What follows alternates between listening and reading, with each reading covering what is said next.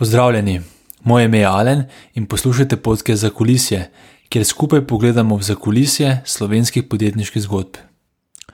V 44. zakulisju sem se pogovarjal z Matejem Zalerjem, ki je soustanovitelj podjetja Visionect.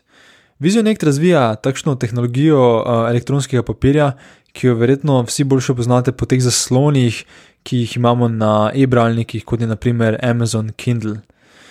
Uh, njihov najbolje prodajen produkt je Joan, gre v bistvu za brezžični sistem za rezervacijo konferenčnih sob, ki je bil tudi nagrajen za zelo prestižno nagrado v design svetu in sicer Red Dot Design Award.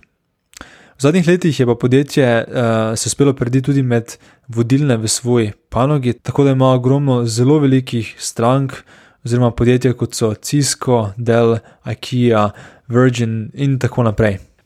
Zgodba Vizionekta je pa izjemno zanimiva um, in specifična našemu okolju, saj ima tehnologija razvita v Sloveniji veliko krat um, na zahodnih trgih še vedno negativen prizvok, še posebej, če gre za prodajo podjetjem. Zato sem se z Matejem pogovarjala, kako na njihove rezultate vpliva dejstvo, da je podjetje bazirano v Sloveniji. Pogovarjali smo se o tem, um, kako to, da so potrebovali v bistvu več let, da so sploh stopili v stopnjo rasti in kakšno vlogo je pri njih uh, odigrala vztrajnost.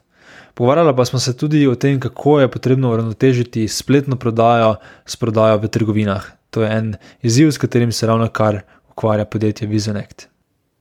Posebna zahvala pa gre še podporniku tega podcasta in sicer računalniškemu studiu 3FS, eh, ki periodično ustvarja spin-off podjetja. V bistvu gre pa za enega izmed začetnikov in bolj znanih podpornikov startup okolja v Sloveniji. Toliko v samem uvodu, sedaj pa želim prijetno poslušanje podcast pogovora z Matejem.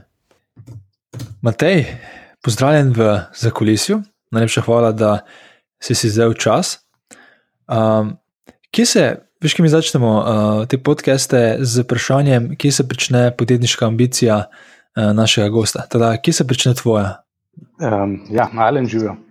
Um, ja, moja ambicija, jaz že od nekdaj sem želel stvari delati malo drugače. Um, tako da sem o podjetništvu razmišljal, oziroma nekem svojem, um, neki svoji poti razmišljal že kar predvsej pred, uh, pred Vizionektom.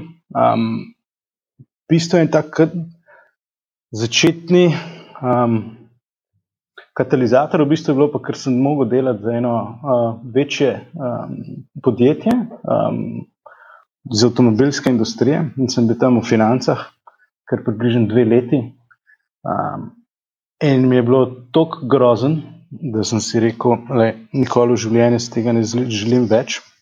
Um, takoj potem sem šel tudi študirati v Tujino, na Finsko, ker so nek kratek čas, uh, so neke projekte delali tudi za kakšne druge firme. Um, takrat sem se prvič srečal z nekim konceptom elektronskega papirja. Ne. Nokia je takrat imela nek koncept telefona, ki si ga v bistvu lahko razstavil na dva dela, vmes pa je bil na vid nek displej, ki se je v bistvu raztegnil in je bilo to takrat tako, wow, Star Trek.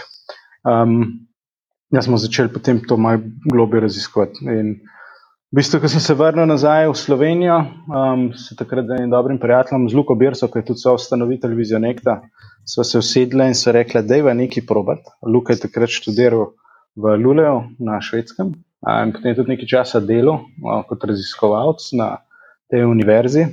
V Luleju. Um, ideja je bila, da začneva nekaj delati, ampak nekaj malo drugače, da se ne greva nek import-export, uh, ampak da narediva nekaj, ki bo malo bolj tako ambiciozno zastavljen, da sami nekaj razvijamo, probamo kaj spremeniti. In tako se je začel v bistvu vizionek. Parkrat si zamenil, da ti je bila želja delati nekaj drugače. Da ste tudi videli razmišljati o tem, da naredite nekaj drugačnega. Kaj točno s tem misliš drugače?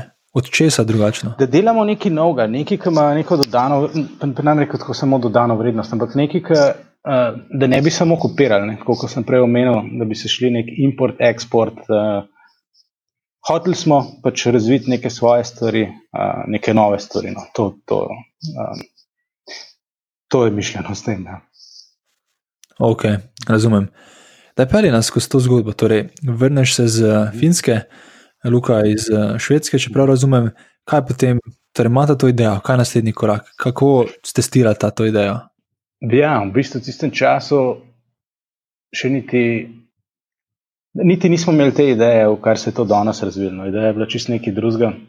Um, z Luko so takrat um, imela idejo postavljati neka brežična omrežja. To je bilo še pred časi pametnih telefonov, Wi-Fi, oziroma Wi-Fi so se že dogajali, ampak na precej drugačen način. In ideja je bila, da bi mi dva postavljala ta brežična omrežja. In se še spomnim, kako so se vozila z avtom okrog po Ljubljani in skenirala čisto vse uh, te možne networke, kjer so odprti, zaprti, kaj bi se dal delati tako. Um, bilo je full exciting. Um, tem se pa spomnim enkrat, pa, sem se pa z bratom vozil, ki je zdaj tudi soustanovitelj, tri smo, ne, Luka, jaz in uh, Rok. Um, Rok je pa bil študiral elektrotehniko takrat um, bil ful dobr študent in je enkrat mi, ko se je pelala, omenil, kako so te elektronske um, cenovke, oziroma electronic shelf labels, se je v angleščini pravilen izraz, v slovenščini ti ne vem, kaj je eno, ampak eh, mi je razlagal o teh electronic shelf labelih, kako je to kul cool in meni je bilo tako jasno, zakaj ima to price, oziroma zakaj, ta, zakaj so, kje je dodana vrednost teh cenov. In je bilo tako res zelo kristal, kristalno jasno, kaj neka trgovina s tem pridobi. To, če poznaš, verjetno, to so te. Um, Lekler, ki jih ima recimo veliko, pa tudi uh, le, lekarna Ljubljana, meni se zdi, zdaj že um, teh digitalnih, uh, na mestu na papirju napisanih, so zdaj to digitalne cenovke. Um, jih verjetno poznaš, mm -hmm. si že kje opazil. Ja. Skratka, ideja roka je bila, kaj pa če bi to delali. In takrat je bilo nama obema to fulu všeč, uh, tudi Luki. In smo rekli, ja, pa dajmo pa proba to narediti. In smo začeli raziskovati um, celo ozadje tega, kaj bi lahko naredili. Um, zelo hitro smo potem tudi ugotovili, da obstajajo že podjetja, ki naredijo to za vem, petino cene, kar smo imeli mi v planu. Nam je bilo tudi zelo hitro jasno, da mogoče pa to ne bo tako zelo simpel, glede na to, da a, so tudi volumni oziroma količine, kjer so proizvajale te firme, ki so že bile na trgu, bili v milijonskih nakladah. Pride do tja, se nam je zdelo tako, tako je malo zakomplicirano. In mogo si delati to v milijonih, da si, bil, da si imel pravilen price performance, drugače si pač bil stroškovno čist neučinkovit. Ne. In takrat smo pa začeli tudi razmišljati o tem, da mogoče bi pa lahko naredili kakšen drug produkt, kakšen drugačen produkt, um, ki bi v bistvu za osnovo imel nek uh, low power display in bi se ga dal uporabljati v razno raznih uh, drugih industrijah. Videli smo, da te cenovke, kot je ideja bila super, je bilo ful zakompliciran za uporabljati. No. To nič ni bilo tako, uh, res wireless. Um, tudi battery power, ki je bil, je bil tako zelo patetičen, kratek. Mi smo vedeli, da lahko to, kar se tehnologije tiče, naredimo boljši in drugače. Um, in ja, začeli smo iskati druge priložnosti. In tako se je v bistvu rodila ta ideja uh, low power display platforme, um, ki jo ima Vizionek danes in ki se um, kar uspešno uporablja v raznih uh, industrijah. No. To je mogoče za poslušalce, ko ne poznajo Visionekta in produkta. Um, če razložiš, v bistvu, kaj sploh ta produkt je. To je v bistvu tehnologija, ki omogoča, da, imamo, da uporabljamo displeje v raznih industrijah, brez potrebe po napajanju, ne, oziroma nekem konstantnem um, napajanju. Vse stvari, ki jih mi delamo, so, se napajajo prek baterij. Um, naši displeji porabljajo približno 99% manj energije kot um, kakšni ostali konkurenčni uh, displeji, ki, jih, ki uporabljajo za displej tehnologijo, recimo LCD ali pa LED, to so te klasični uh, monitorji in televizori danes. Uh, namembnost, uh, kjer se te naše displeje uporabljajo, pa bolj v um, angleščini je information, information displays. Um, se pravi, recimo aplikacija um, avtobusne postaje, kjer se prikazujejo te vozne rede, um, ki so uh, digitalni, ki so ažurni, ki se spremenjajo glede na prihode in odhode uh, avtobusov. Recimo, Mi to lahko naredimo tako, da je da ta displej um, brez žic, uh, brez uh, napajanja na eno mehko sončno celico dela forever. Um, to je ena taka dost um, hot aplikacija, um, kjer imamo kar nekaj teh displejev postavljenih po celem svetu. Um, druga aplikacija, recimo, pa, um, ki je trenutno naša najbolj uspešna, to je pa, pač ta naša družina Joan uh, naprav, ki se jih uporablja za prikazovanje um, meeting roomov, uh, konferenčnih sob, recimo, ali so zasedene ali so proste, um, kakšen je koledar, recimo, um, te sobe. Um, to pa uporablja približno 5000 podjetij po celem svetu. Mislim, da smo prodali to že v 82 držav. Um, in ja, te naši displeji v tej aplikaciji pa delajo recimo tri mesece do leto ali pa še več na eno polnjenje. Um, če, mm -hmm. če si predstavljaš en telefon ali pa ena druga tablica, recimo, Um, iPad ti dela kot recimo 10 ur. Um, za primerjavo, sicer je druga namennost, ampak vsem naša tablica um, bi zdržala recimo pa 3 mesece. Ja. Dajmo se še malo vrniti, zdaj smo pospešili za nekaj deset let celo zgodbo. Dajmo se še malo vrniti v začetek. Torej, da smo pri tistih cenovkah in da ste prišli do ideje, da je treba to tehnologijo uporabiti v neko, v neko drugo aplikacijo, v neki drugi namen. Kaj so bile prve ideje, kaj so bile prve uh, prvi case study oziroma prve aplikacije, ki ste jih testirali in kakšni so bili rezultati? Um, ja, tako, zdaj, zdaj kronološko. Recimo, Najprej ideja je bila, da naredimo neko tako zelo um, modularno platformo, ki nima neke res končne uh, aplikacije, ampak naredimo tehnologijo, ki jo tretje podjetje lahko potem uporablja za to, da razvijajo svoje produkte. In zdaj na podlagi te ideje um, je bilo zelo težko zračunati, koliko je res nek ta naš potencial. Um, in tudi zato, da bi ljudje malo bolj razumeli, ker to je bilo še vseeno pred časi, pamet, pred pametnim telefonom, pred tablicam, pred recimo Amazon Kindlom. In da je bilo tudi zelo težko razložiti, kaj imamo mi sploh v mislih. In je bilo treba razviti nekaj, kar je malo bolj oprijemljivo. Prva resna aplikacija, um, ki smo se mi lotili, je, je bilo ime uh, Jeffrey. Šlo je za lančnik, ki se ga je uporabljalo v restauracijah, uh, barih, pubih in tako naprej, za uh, naročanje um, z mize. Se pravi, ti nisi več rabo na takarja, ampak si na mizi pregledal pač, uh, cenik oziroma meni um, si poklikal to, kar si želiš, in pač se je vse samo avtomatsko uh, sprovedlo. Um, to je bila prva aplikacija. Um, moram reči, da je bil kar zakompliciran, predvsem tega, ker je bil poslovni.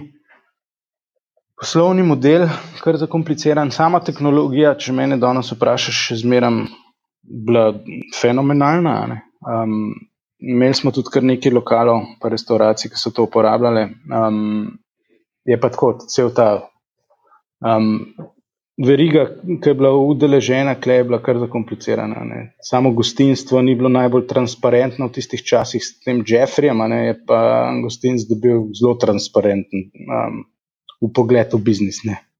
In to ni bilo najbolj všeč vsem. To smo probali kakšno leto, pa pol, um, zelo intenzivno porivati na trg, um, tudi kar nekaj kapitala smo v to investirali. Um, pa smo na koncu vse čas iskali tudi druge aplikacije. Do danes, recimo, smo mi ene sto različnih produktov, po mojem, že sprobali. Vse čas iščemo neke nove produkte.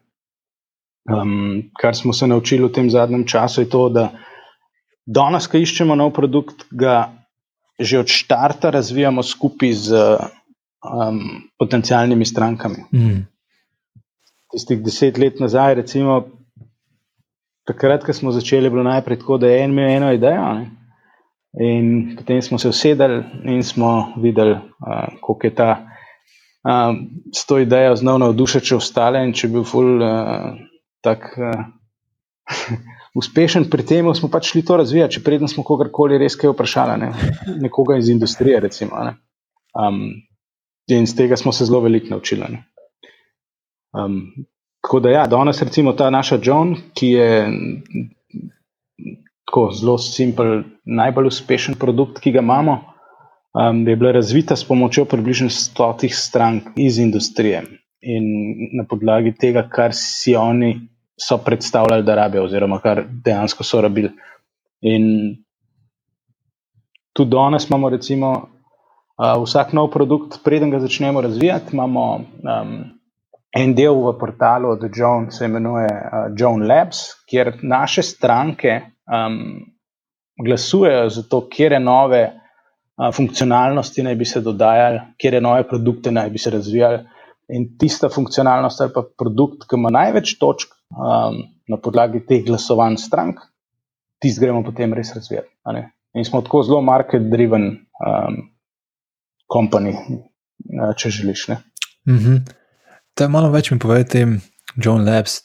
Zanima me, ali v tem John Labs so naprej pripravljene predloge, kaj vse vi mislite, da bi lahko izboljšalo produkt, in potem oni samo glasujejo, ali eh, gre bolj za tak sistem, da oni tudi napišejo v v tekstu, enostavno mi si želimo to, pa to izboljšavo. Še gre za glasovanje, gre za tudi neko interakcijo.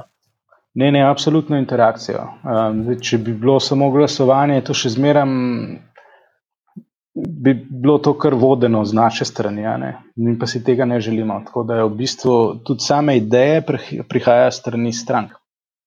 Um, In pač vsaka nova ideja, ki se zgodi, je potem pač uh, rangirana glede na število točk znotraj tega John Labsa. Pa to je samo en del, um, ki nam omogoča biti malo bolj povezan s trgom. No, pa da ne razvijamo neki sami v laboratoriju, kjer, kar se nam zdi, oh, in sploh super, na koncu pa ben tega noče uporabljati.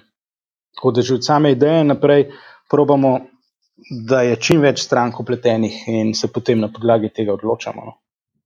Ja, Daj, vsi zdaj danes govorijo o tem, da je treba produkte razvijati skupaj s stranko. Teda mislim, da je to že mhm. zdaj rečemo, splošno znanje. Malo podjetij, malo podjetnikov pa se mi zdi, da to res dobro dela. Lahko nam opišeš, kaj točno ja. to pomeni pri vas. Torej, ko ste dobili idejo za John, kaj to pomeni, da ste razvijali skupaj s kupcem? Um, ko smo dobili idejo za John, Um, v bistvu je bilo tako, no, mi smo zelo veliki, glede na to, da smo imeli neko display platformo, ki se je lahko uporabljala v res velikih um, aplikacijah ali pa v res velikih industrijah. Um, smo mogli biti zelo previdni pri tem, v kaj smo na koncu pač, uh, resno investirali in resurse in um, uh, kapital in potem to razvijali. In smo mogli zato vse čas biti zelo v kontaktu s strankami. In smo takrat pisali, pa še danes, zelo veliko tega, oziroma zelo veliko smo delali tega content marketinga. In John se je v bistvu rodila tako, da smo napisali en članek, kot da imamo ta naš produkt, pa ga še nismo imeli. Ne? In smo potem, potem uh, poslali to ven um, določenim online uh, portalom, medijem, in smo merili pač njihov odziv. Ne? In to nismo v bistvu naredili samo za John, to smo naredili takrat še za, pa tudi danes še zmeraj tako delamo. Po mojem, več kot 100 potencijalnih produktov. Smo pač napisali nek članek, poslali ven in pa merili potem odzivane. In na naše začudenje um, smo na John dobili kot prvo, full dobro pick-up strani medijev, kot drugo pa potem se je pač usul res veliko popraševanja strani potencijalnih um, in, interesantov. Ne. In nam je bilo to takrat, ker noben si ni, niti v sanjah predstavljal, da pač John uh, oziroma nek tak meeting room scheduling device bo sploh imel kakršen koli um, potencijal. In je bilo tako, wow, a res, kako je to. Klej nekaj je očitno od zadaj in moramo pač se malo bolj resno lotiti tega. Tako da faza ena, identificirali smo, da pač nekaj uh, očitno je na tej naši um, John, potencijalni John. In smo potem od teh popraševanj, ki smo jih dobili, zbrali približno 100. Uh, uh, tako, ročno smo zbrali približno 100 uh, uh, interesantov, ki smo jih potem povabili v, mi smo temu rekli, Early Adopter program. Um, ideja je bila ta, da teh 100 podjetij danes um, nam začne pomagati uh, razvijati ta produkt, tako zelo interaktivno, um, one on one. Ne? In da imamo na koncu, po, uh, mislim, da smo takrat rekli, da bomo imeli 4 ali 5 mesecev, um, čez 4 oziroma 5 mesecev, bomo imeli delivery, da imamo takrat potem produkt, ki je tako. Um, um, Tailored za uh, te naše stranke. Ne? In v bistvu smo takrat povabili noter vse, od Disneyja do Dreamworksa, BMW, pač res sto um, full hudih strank, um, ki so nam pomagale to potem razvijati. In na koncu, ko smo zaključili ta early adopter program, ko smo lansirali produkt, um, je bilo tako res prav, wow, nam vsem, ker je bil respons full dober, ne? ker je dejansko bil produkt to, kar, kar, kar rabijo stranke. In vem danes, da če bi to razvijali sami v laboratoriju, glede na to, kaj si mi mislimo, um, bi prišlo v nekaj čist drugega. Ne?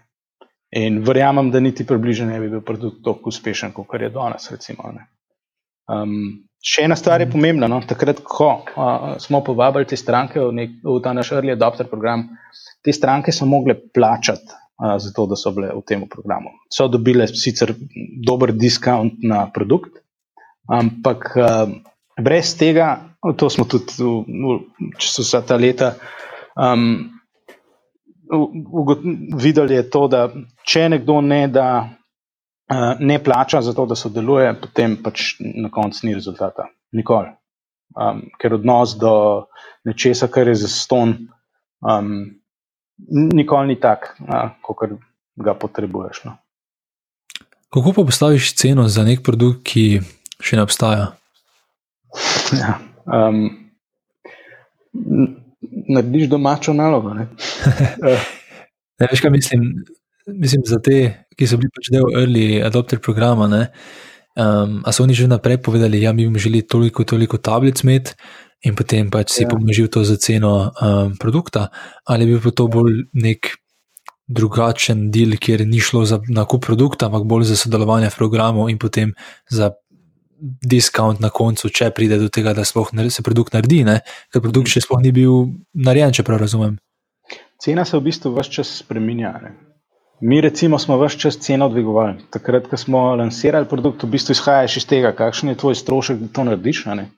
Um, prvo je to pomembno. Zdaj, lahko potem, glede na ta strošek, dodaš gor dovolj veliko maržo um, in pač oblikuješ neko končno ceno na trgu. To pač potem gledaš, koliko so podobni produkti, um, kakšne cene so podobnih produktov. Um, pogledaš tudi, kakšne so cene produktov, ki niso čist direktna konkurenca, ker ponovadi je niti ni, ne, ker delaš nekaj novega. Ampak um, ne vem, v našem primeru, veš, glede na to, da smo delali tablice za navrata, greš pogledati, koliko so pa ostale tablice v celi tej industriji. Potem pa to testiraš s potencijalnimi strankami, a to gre česa ali ne gre česa. Ne.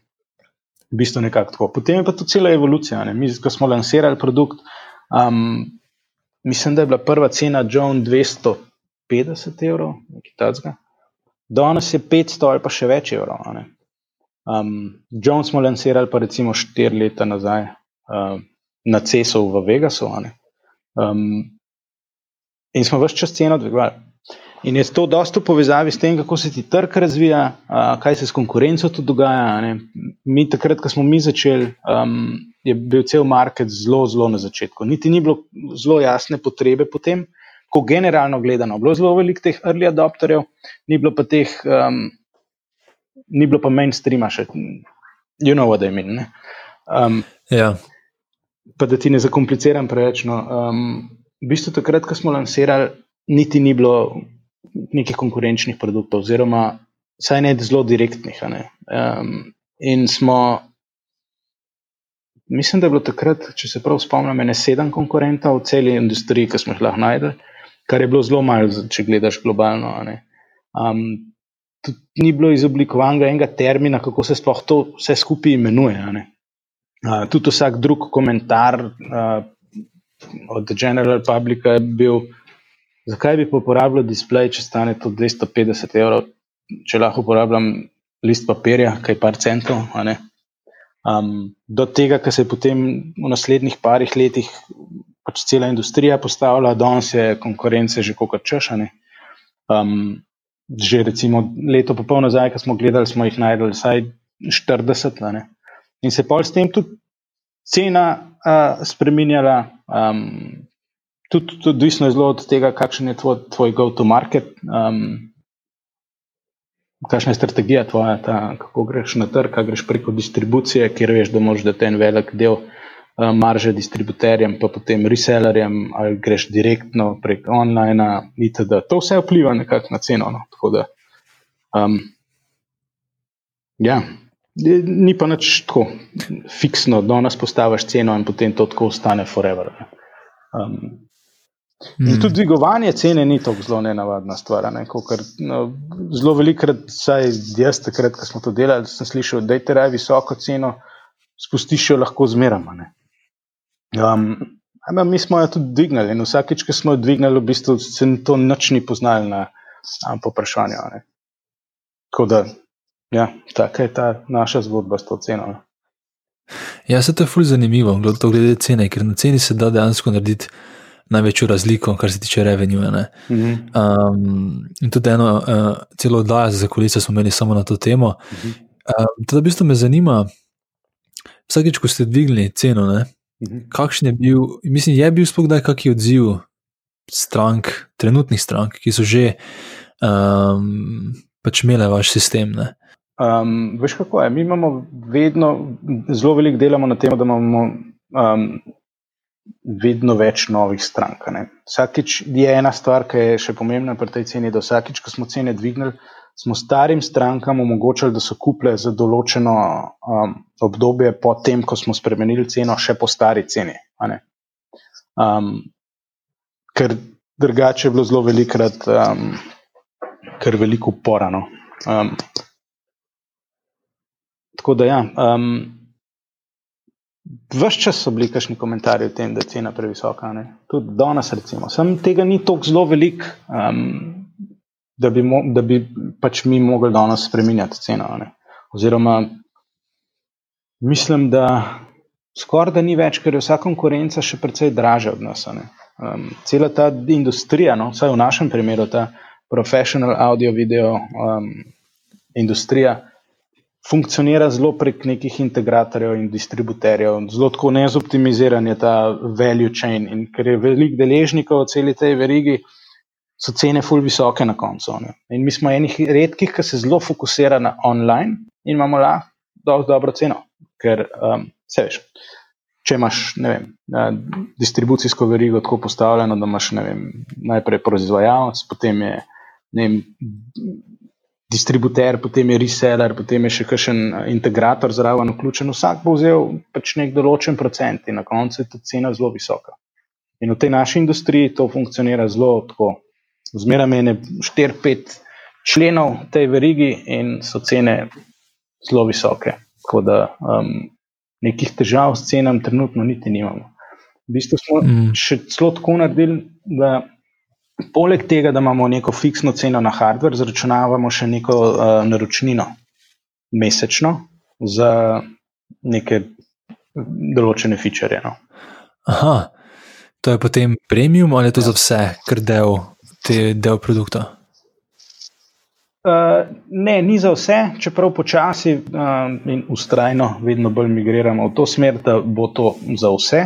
Um, in imaš potem neke različne um, pricing modele, um, kaj je v, v kakšen model vključeno. No? Um, v tem trenutku ni za vse. Imamo približno 50% strank, ki plačujejo um, za te dodatne storitve, oziroma funkcionalnosti, približno 50% jih pa ne, um, ker imajo malo drugačen setup um, produkta. Mm -hmm.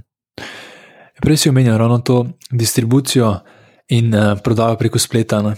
To je eno tako klasično podjetniško vprašanje, eh, na kak način naj prodajam svoj produkt. Naj raje grem skozi distributorja, s čimer lahko prodam ful več, ampak bom mogel določen del uh, marže pač deliti z nekom, ne? ali pa prodam preko spleta in potem moram bolj ali manj tudi sam skrbeti za distribucijo in za marketing.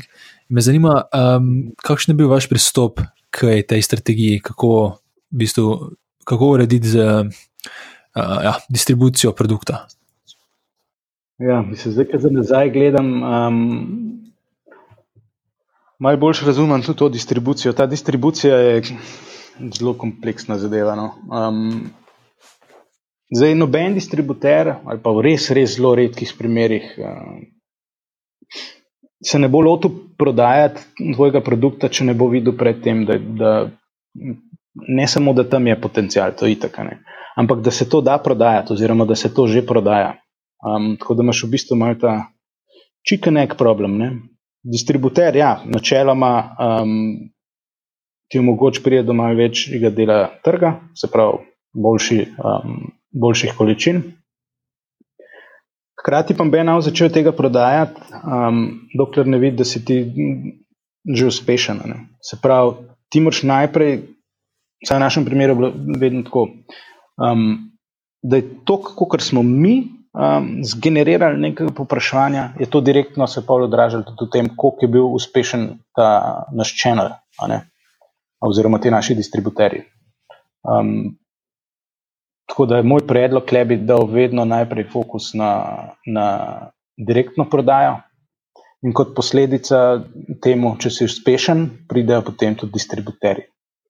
Zdaj, če greš sam, kar direktno do distributerjev, bo to zelo trnava pot, pa zelo drago je tudi to na koncu. Ne, ne moš vedeti, da distributer pričakuje neko maržo, ponovadi je to dosti visoka. V večini primerov distributer tudi ni uh, pač ta člen, ki ima direkten dostop do trga, ampak delajo prek kakšnih specializiranih resellerjev, se pravi, še nekoga dodatno v v temu value chainu. Um, potem zahtevajo tudi neke rabate, porabate, um, investicijo za kakšne marketinške aktivnosti itd. No. Tako, um, to je res um, draga stvar na koncu. No. In mm. več čas moraš biti sposoben, tudi zdaj znotraj distributerja. Ne, ti bom dal primer. Mi delamo, recimo, ameriški trg je za nas najbolj pomemben trg. Ne, in kaj imamo kar dobro to um, distribucijsko verigo postavljeno. Um, naš distributer potem dela z resellerji. Te resellerji pa nas lahko spravijo v vsako pisarno v ZDA. Resellerji so v velik primerih tudi precej večje firme kot distributer. In te resellerji so recimo Office Depot, Staples eh, in take firme, ki ne vem.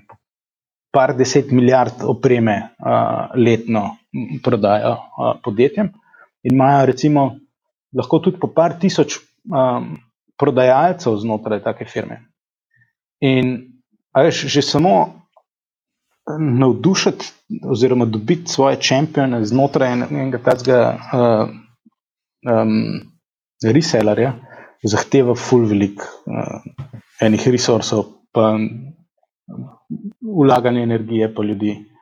Um, In mi imamo recimo znotraj resellerja potem nekoga, ki je samo na našem pay-checku, da pospešuje prodajo znotraj resellerja. Um, kot cela stvar, ta ful zakomplicirana, ful draga. Se, če si predstavljaš, ne, en reseller ima recimo lahko par sto produktov, ki jih prodaja. Ne. In zdaj vsak prodajalec um, je odgovoren za to, da pač dosega vne svoje mesečne kvote. In zdaj mu ti prideš noter z enim novim produktom, ki niti ne ve, ga bo lahko prodajal koliko ga bo lahko prodal, koliko bo to vplivalo na njegov un, uh, na to mesečno kvoto, promet, ki ga mora narediti. Um, in se pa tudi sam vprašam, če me to sploh dela ali ne, ne. Če mu pa ti dokažeš, da je ta produkt že full uspešen, da vem, mama oziroma firma sama tega full veliko lahko proda, da ima full dober market penetration, pa v to hitreje to zagrabo in začel prodajati. Hmm. Tako, ja. Máš kot na svet, mogoče pri, um, kar se tiče časa, kdaj se smiselno potem iskati distributerja, um, pa tudi potem, kaj treba paziti pri sami izbiri distributerja. Ne vem, kakšne napake ste vi naredili, kaj bi drugim predlagali, da naj pazijo. Kdaj se lotiti tega? Um, jaz bi rekel, takoj potem, ko imaš nek initial success na svoji strani, ko imaš nek success na direktni prodaji. Predtem se jaz s distributerjem niti ne bi več ukvarjal. Um, zdaj, kakšen svet. Ja, ne vem, jih je zelo veliko. No. Um, tudi mi se zelo veliko še tega učimo. Ne. Mi smo probali z distributerji. Um, tako, no, um, kar vidim, je, da neke marketinške aktivnosti um, ni nujno, da funkcionirajo. Um, če jih delaš skupaj z distributerjem, vsi to v bistvu zahtevajo od tebe, na koncu pa je efekt relativno omejen. Um, Tako da na svet številka ena je, ne bi zelo veliko investiral v co-marketing aktivnosti z distributerjem, ampak bi se bolj fokusiral na to, da sam probaš sgenerirati čim večji promet in to bo imel posledico tudi to, da bo distributer um, zgeneriral več prometa. In vedno je tako, bolj ko si uspešen, bolj je tudi channel uspešen bolj kot ti delaš uspešne marketing aktivitete, temu tudi lažje potem en distributer uh, sledi. Treba je tudi vedeti, da distribucija ni čez noč. To je mogoče drugi na svet, ki je ne pričakovati, da bo to, um, ne vem, zelo velikrat slišim. Ja, imamo že tri distributerje v pipelinu, ki bodo kupili po x tisoč unitov čez tri mesece. Ponavadi je tako, pa tudi temu tudi jaz zelo dolgo nisem verjel, no, ampak prednji je nek kanal res učinkovit, to je tako je leto, dve, lahko tudi več. In to leto, dve, pa ti financiraš, v bistvu, takrat nisi break-even čez ta kanal. Je zelo malo primerov, ki mogoče so predtem uh, že uspešni, ampak praviloma um, to, da postaviš distributerja in da to vrata. Um, um, vsaj finančno gledano, break-even, to je leto ali dve. Hitreje se v bistvu bolj izjemoma, kot pa praviloma. No. Ja, zanimivo. Si, ja. Jaz bi se tudi predstavljal drugače, ne, da ravno z distributerjem, ko mi bo kupil tako veliko količino, bom dosti hitreje pokril svoje stroške in da bom zato, zato mogoče tudi k njemu šel. Ne. Ja, ne, ne. Mogoče še ena stvar, ki je zelo pomembna, je, da ekskluzive ne obstajajo. No. Um, Zelo veliko je takih, ja, smo dobili enega zelo velikega na ekskluzivo, oziroma ta velik distributer želi imeti ekskluzivo. Um, ekskluzive ne obstajajo. No. Vsaj v tej naši industriji, um, velike resne firme razumejo, da pač ekskluzive ne obstajajo. No. In prej, kasneje se to zakomplicira. Um, tako da ja mi ne pristajamo na ekskluzivno. In nas to do zdaj še nikoli ni uverjalo, da bi kakšen partnership sklenili s komarkoli. No.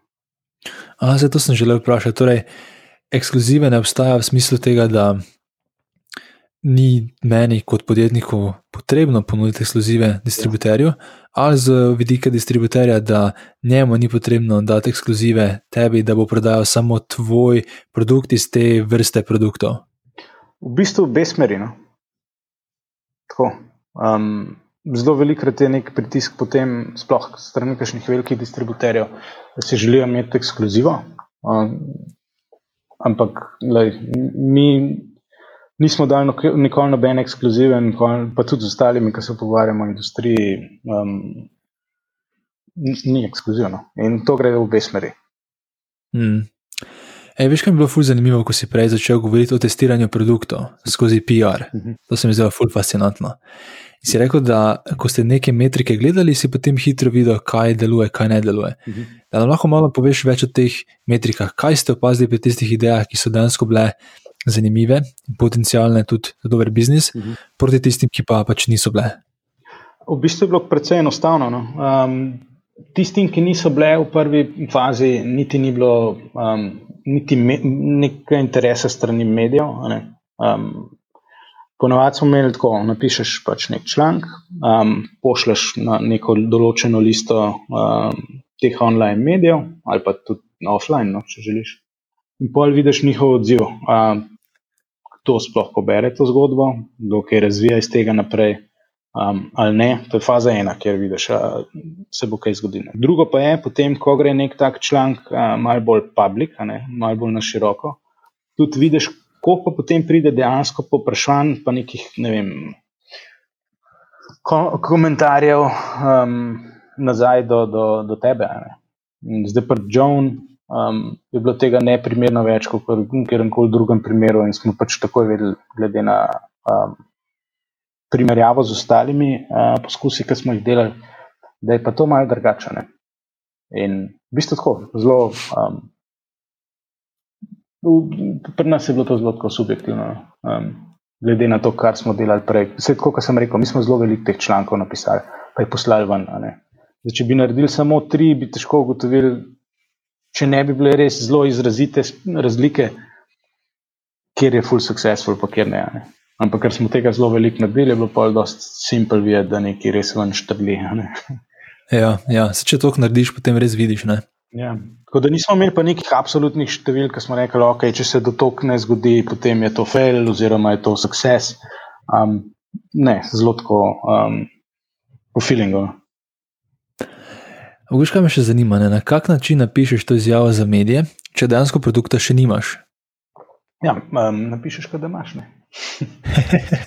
no, se to me zanima, ker predvidevam, da enim novinarjem pač ni vseeno, če se jim mogoče enkrat zlažeš, ne? Ja, oziroma da ugotovijo, da dejansko ni tega produkta, ki so ga oni objavili, da je. Ali ste dobili, ne vem, ali obstaja nek pameten način, na kak način to napisati, um, da imaš produkt, čeprav ga nimaš, da ob tem ne razjeziš novinarjev ali pa tudi potencijalnih strank. Ja, mislim, da za vsako tako stvar smo mi vedeli, da lahko zelo hitro naredimo, če bo ta pravi interes. Um, imeli smo zelo veliko nekih pilotnih projektov, v tistem času je bil nek full velik del teh um,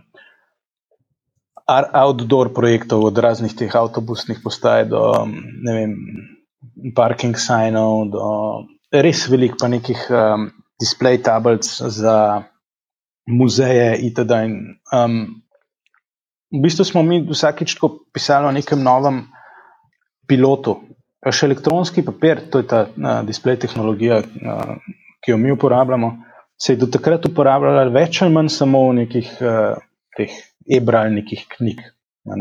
Amazon Kindle je pač najbolj tak uh, uspešen primer. In s tem, ko smo pa mi začeli elektronski papir uporabljati, zato da smo recimo delali neke uh, in, infotable za outdoor, ne? je bilo to takrat full exciting in smo full enih teh člankov napisali. Ampak vsak tak outdoor je imel nek uh, mehen pilotni projekt zadnji. Tako da mi v bistvu doskrat smo naredili kakšen tak projekt, sam je full razlika med, a imaš ti nek demo, pa pilot, ali pa imaš res končen produkt, ne, ki je vse zoptimiziran z vidika ne, uh, materijala, ki ga uporabljaš, do proizvodnih procesov itd. Ne. In ni bilo čisto, da smo si mi čisti z nule zmišljali stvari. Um, vedno smo bili relativno blizu temu, da smo naredili potem hiter končen produkt. Pa vse je bilo v bistvu v tej naši branži, tej našem fokusu, naši industriji. Nismo, si, nismo pisali o tem, da okay, zdaj bomo delali pa nov vem, avto na ne vem, uh, električen pogon. Recimo, um, ta bi bila taka mal. mal uh, Mal diskonekt s tem, kar delamo, in tam bi res lahko rekel, da smo koga na dobro okrog prenesli. Um, tako da, ja, no, um, vse čas smo pisali neke stvari, ki so zelo close temu, kar mi delamo. Zmeraj je bilo to neka display, produkt, display tehnologija, ampak malo drugačni um, uporabi. Ne. Ja, ja. Ne, fajn, da si to izpostavil, da ne bo zdaj kdo, ja. ki morda sploh ni sposoben nekaj produkta narediti. Mislim, malo moč biti pa vseeno realen. Uh, zdaj vsi vemo, krasno je, pa ful bo dober biznis, ko bomo leteli na Luno, ne? ampak uh, danes o tem pisati, da bomo mi to jutri naredili, je, to je res tako long shot. No? Tega ja, definitivno ja, ne bi, ne? ampak v nekem novem displeju, ki se ga bo uporabljal, pa v vem, potniškem prometu, na vlakih, recimo, o tem pa lahko danes pišemo, ker vemo, da mi to lahko naredimo relativno hitro. Um, ja, je relativno hiter, jaz mislim, tako šest mesecev stran. Um, tako da to je to. Je to. Nekaj me še glede tega zanima, ker me je zelo fascinantna uh, strategija testiranja. Uh, a ste imeli nek čas vmes, ko potem uh, niste pošiljali PR-a, da ne bi, ne vem, čisto tako povedano, če ste imeli teh 50 idej, kot si rekel prej. Ne? Če bi jaz pošiljal tem novinarjem vsak teden novo idejo, bi verjetno bilo živo ja. malo sumljivi. Ste imeli nek. Ja neko taktiko, na, kak, eh, na kako periodo pošiljate, pa komu kaj in, in tako naprej? Um, pa niti ne. je bilo tako, da nek čas je bilo, da je bilo treba, če temu rečem, naštancati čim več. Um, ampak si umejen s tem, koliko res lahko tega narediš. Ne? Da narediš en dober članek, da ga dobro ven porineš, pa to, to je tako en teden, dva tedna dela. Ne? Tako da hitrejš, kot to niti nismo. No. Smo pa recimo na vsake dva tedna, pa smo nek nov tak projekt. Um, tudi je bilo zanimivo, da takrat, ko smo bili tako pozicionirani kot platforma, ne, smo v bistvu prodajali te module, uh, ki so jih um, firme po svetu lahko uporabljale, zato da so svoj končni produkt razvile. Ne. Prednost tega, da si pozicioniran kot platforma, je ta, da imaš full dober pregled nad trgom končnih aplikacij, ker se tvoja tehnologija uporablja v neki. Je kot nek delček, sestavni del neke končne aplikacije. In takrat so te naši, naš, uh, uh, te naše partnerji no, ali pa stranke, razvijali toliko različnih stvari, um, da smo mi težko sledili temu. Ne. In po vsakem takem projektu smo lahko pisali, veš, smo imeli ful veliko nekih dobrih zgodb zadaj, ki smo jih lahko izpostavljali. Um, in pol počasi je že sam trg začel nas sprašovati, pa, kaj je pa naslednja stvar, kaj boste naredili. Tako da smo takrat teh člankov kar velik uh, naštancali, no, like. um, ampak uh, ja, perioda bi rekel tako en teden, dva tedna. Mm, zanimivo. Ja.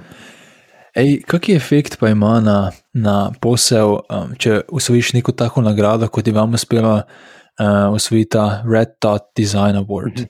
Lahko mogoče najprej pišeš, za kakšno nagrado sploh gre, mm -hmm. pa potem kako vplivajo dejansko na poslovne rezultate. Ja, um, Zdaj, vse te nagrade so full fine, če jih znaš, si potem tudi pravilno umestiti v svojo zgodbo, ne, pa to uporabiti. Um, Red Dot gre za.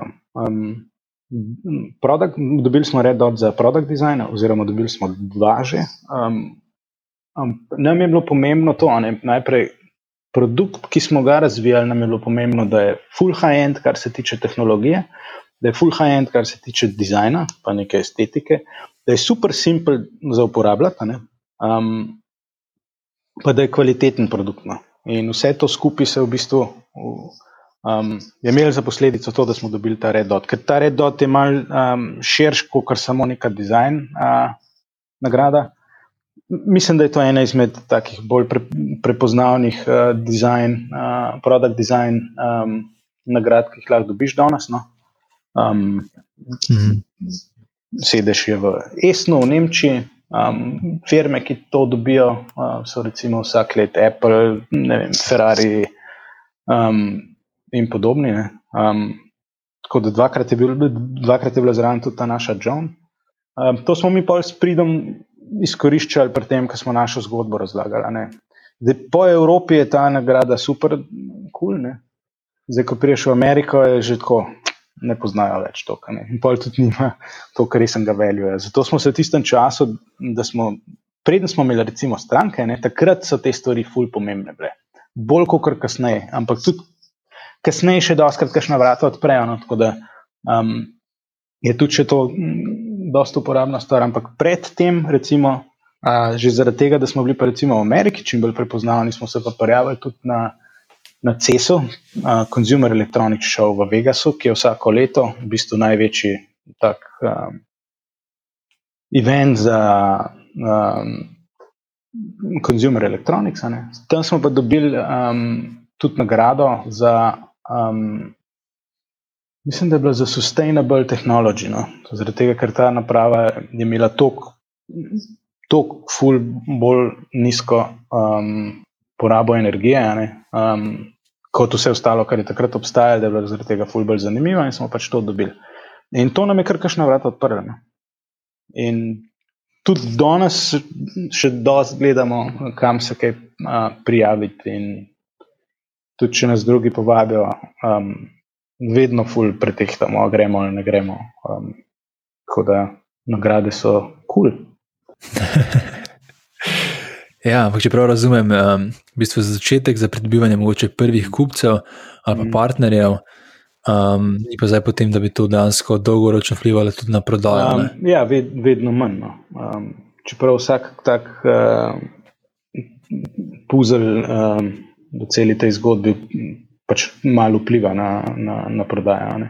Vse na koncu je tako, vedno moš.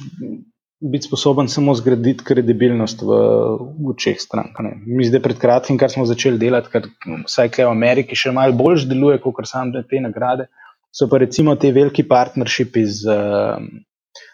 Um, oziroma, partnershipi z res velikimi IT podjetji v tej naši industriji. Ne. In smo pred kratkim začeli delati z Amazonom in Ciskom, um, kot njihovi tehnološki partnerji. Um, ta partnership se tudi poglablja. Ampak, ko imaš recimo sestanek s potencijalno stranko, da ono še omeniš, da sodelujemo z uh, Ciskom in pa Amazonom, pa zdaj še kar kaj drugih dodajamo v ta naš partnership program. Je to to, noben več ne sprašuje, kje pa ste, pa koliko imate kaj strank, kar je ponovadi, um, sta definitivno dve od treh prvih vprašanj, kje pa ste, pa koliko imate strank. Um, se v bistvu zaključi. Prejšnji teden smo imeli en zelo zanimiv event uh, v Orlandu, ki se imenuje Enterprise Connect, prav za to našo industrijo. In je stranka, recimo, ki je prišla uh, mimo našega štanta, rekla, da ne, ne, te so kul, cool, tem je treba verjeti, ker delajo s Ciskom in Amazonom. To je bil prvi stavek. Um, in to je to. In zaradi tega vse te stvari počnemo. In v neki meri tudi te nagrade pač imajo. Um, isto vlogo igrajo. No. Um, ja. Ja. E, to sem te v bistvu fulhtel vprašati. Um, to grajenje kredibilnosti kot podjetje iz Slovenije. Daj mi to malo opiši, um, kakšen vpliv je to imelo na vaš biznis, da ste iz Slovenije in kakšnega ima ja. še vedno. Um, Pri nas je kar imel, no? um, predvsem zato, ker mi smo vse čas ciljali bolj na ta zahodni svet, Um, ZDA trenutno so naš največji trg. Um, in ja, je pač tako. Tud, mi smo zelo veliko komentarjev dobili prej, pa tudi če danes, vsake to, um, čeprav danes precej manj. No. Je bil vsak, ne vem, vsake to, kaj recimo bil komentar. Ne vem, če kar v angleščini pa je bilo recimo no disrespect, but uh, high tech from Eastern Europe. Ne. Um, tako da smo se vse čas s tem ukvarjali. Danes imamo pa recimo pisarno Kleo Silicijevi dolini, jaz sem se tudi preselil, zdaj sem. Um, da, ne, tudi če greš na našo spletno stran, probamo vedno bolj izpostavljati to, da, smo, da imamo tudi resen footprint kle v ZDA in da smo iz Silicijeve doline. Uh, in um, v bistvu tudi Evropa, recimo, ne, uh, sploh ne vem, UK. Um, tudi tam smo zelo velikokrat dobili zelo podobne komentarje. Um, danes pa tega vedno manj, ker probamo, tudi sami delamo na tem, da zgledamo malo bolj z tega dela sveta. Nažalost, to vpliva tudi na to, koliko si successful. Ja, ampak to me ravno zanima. Naprimer, rečemo, da imam podjetje v Sloveniji registrirano. Kako mi zdaj pomaga, če odprem podjetje oziroma podružnico v Ameriki? Ker še vedno je Verjetno ja. samo hčerinsko podjetje tistega glavnega. Ne? Na kak način, a, a ti sploh to pomaga, a in b, na kak način moraš se mogoče pozicionirati, um, oziroma napisati informacije na spletni strani, da vseeno potem dobiš mhm. kakršno koli vrednost od tega, da imaš hčerinsko podjetje v Ameriki. Ja. Um, čisto kratko pomaga, definitivno. Um, mi, kar delamo, je, da če pogledaš. Uh, Na spletni strani About imaš prvo napisano, da je naš office kle um, v ZDA, da imamo en office v Sloveniji. Itak je večina firm danes tako zelo multinacionalnih. Um, zdaj, s tem, ko imamo mi office kle v ZDA, prvo je, zdaj moraš tudi vedeti, kaj od, odpirati, kje druge pisarno, oziroma kjerkoli odpiraš pisarno. Ne. Nam je pomembno imeti pisarno, predvsem zaradi tega, ker imamo tukaj vse te večje partnershipe, to, kar sem prej omenil, Amazon, Cisco, Microsoft, Facebook, Google, itd. To vse te firme so tukaj. Ne? In partnership je vedno face to face, oziroma je full bolj successful, če je face to face. Ne? Ker zdaj večina firme pri nas, um, pa tudi jaz prej, recimo, ko smo to delali, to tako zgleda. Zamik je 8-9 ur, uh, to pomeni, da se tebi začne delovnik tako malce bolj resen, lahko šele po 5-6 uri popovdne. Um, in se to lahko vleče delačo noč. Um, in teh konf-kole, ki jih imaš potem iz Slovenije, Um, vse je ok, samo je čist next level, če to delaš face to face. In mi imamo office, kaj zaradi tega, da imamo lahko res tak close relationship s temi firmami, ki sem jih prej omenil. Um, zdaj, da bi imeli sam firmo kle zato, ker je pač lušten metod klepa, ker se boljš sliši. Eh, jaz ne vem, če bi to kle tako odpirala, ne. ker je vse en kle neprimerno dražje imeti uh, firmo in ljudi, kot v primerjavi s Slovenijo. ne. Um, tudi Mhm. dobro je vedeti, kje so tvoje stranke. Ne? Does it make sense uh, imeti firmo, um, ne vem, v Silicijevi dolini? Uh, če so stranke kle, če so partnerji kle, jaz rečem, da ja. Um, nasprotno pa mislim, da ne, ni nujno. Ne?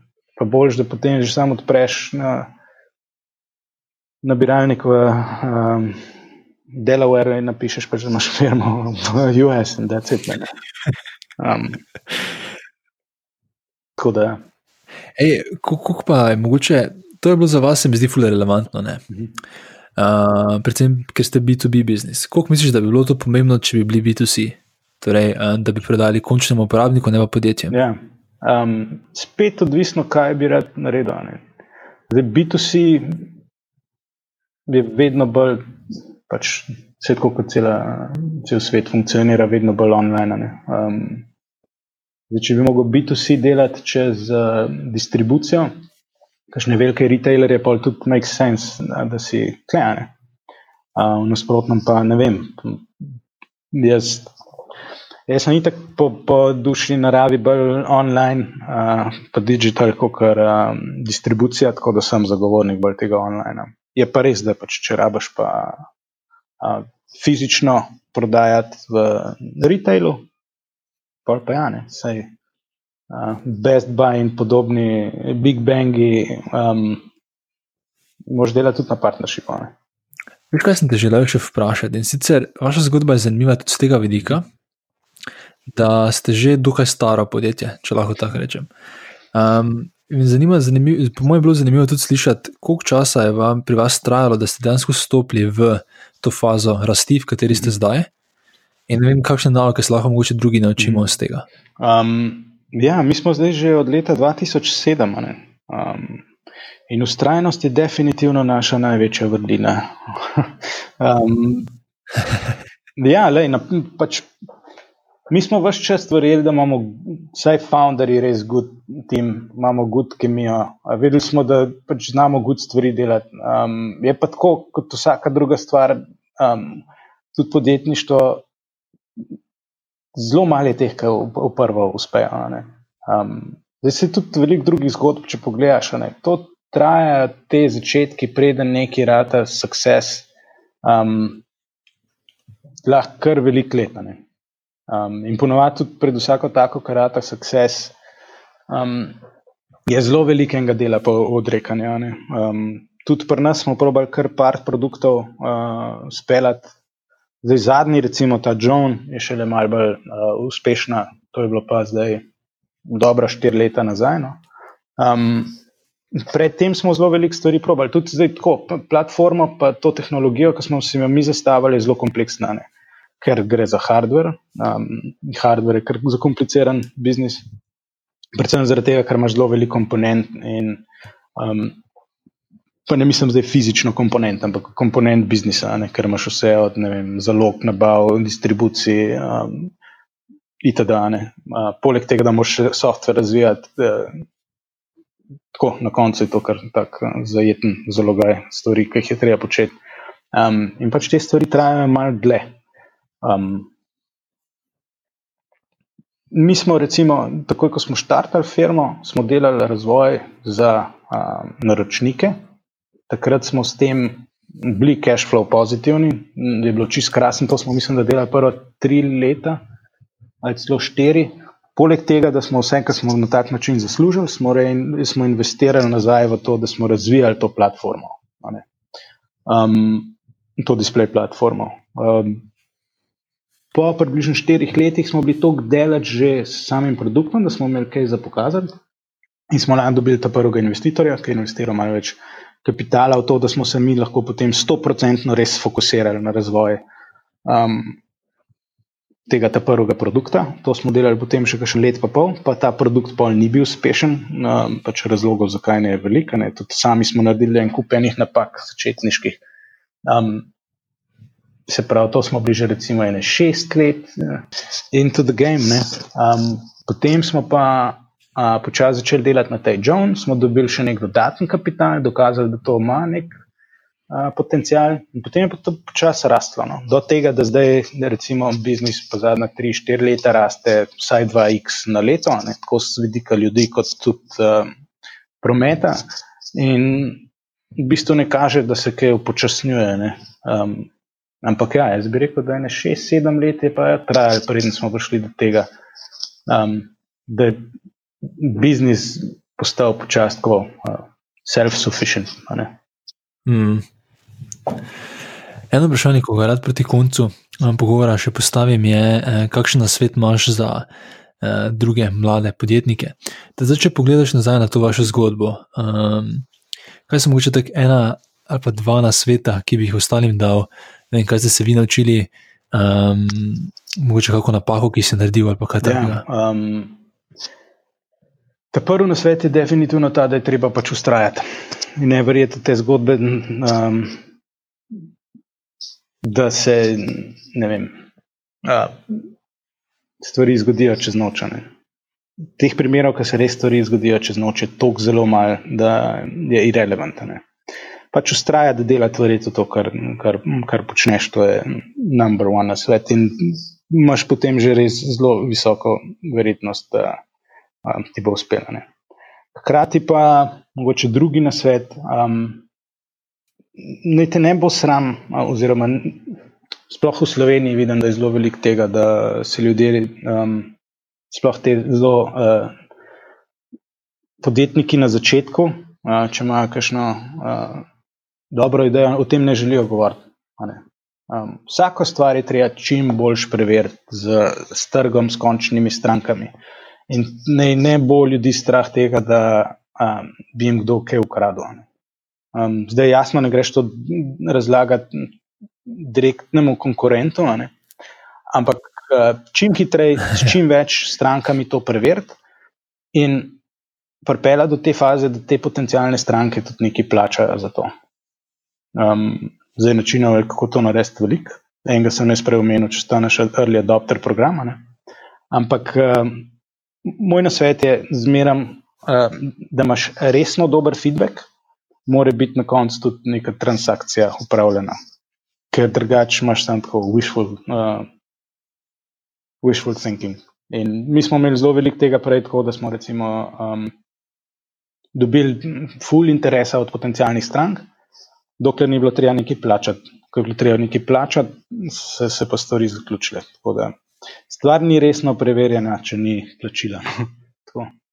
ja, da meni se zdi, da s prvim plačilom si drastično znižaš uh, riziko, da bo ta uh, ideja neuspešna. Že prvo plačilo je tisti ful dober pokazatelj. Ne? Absolutno.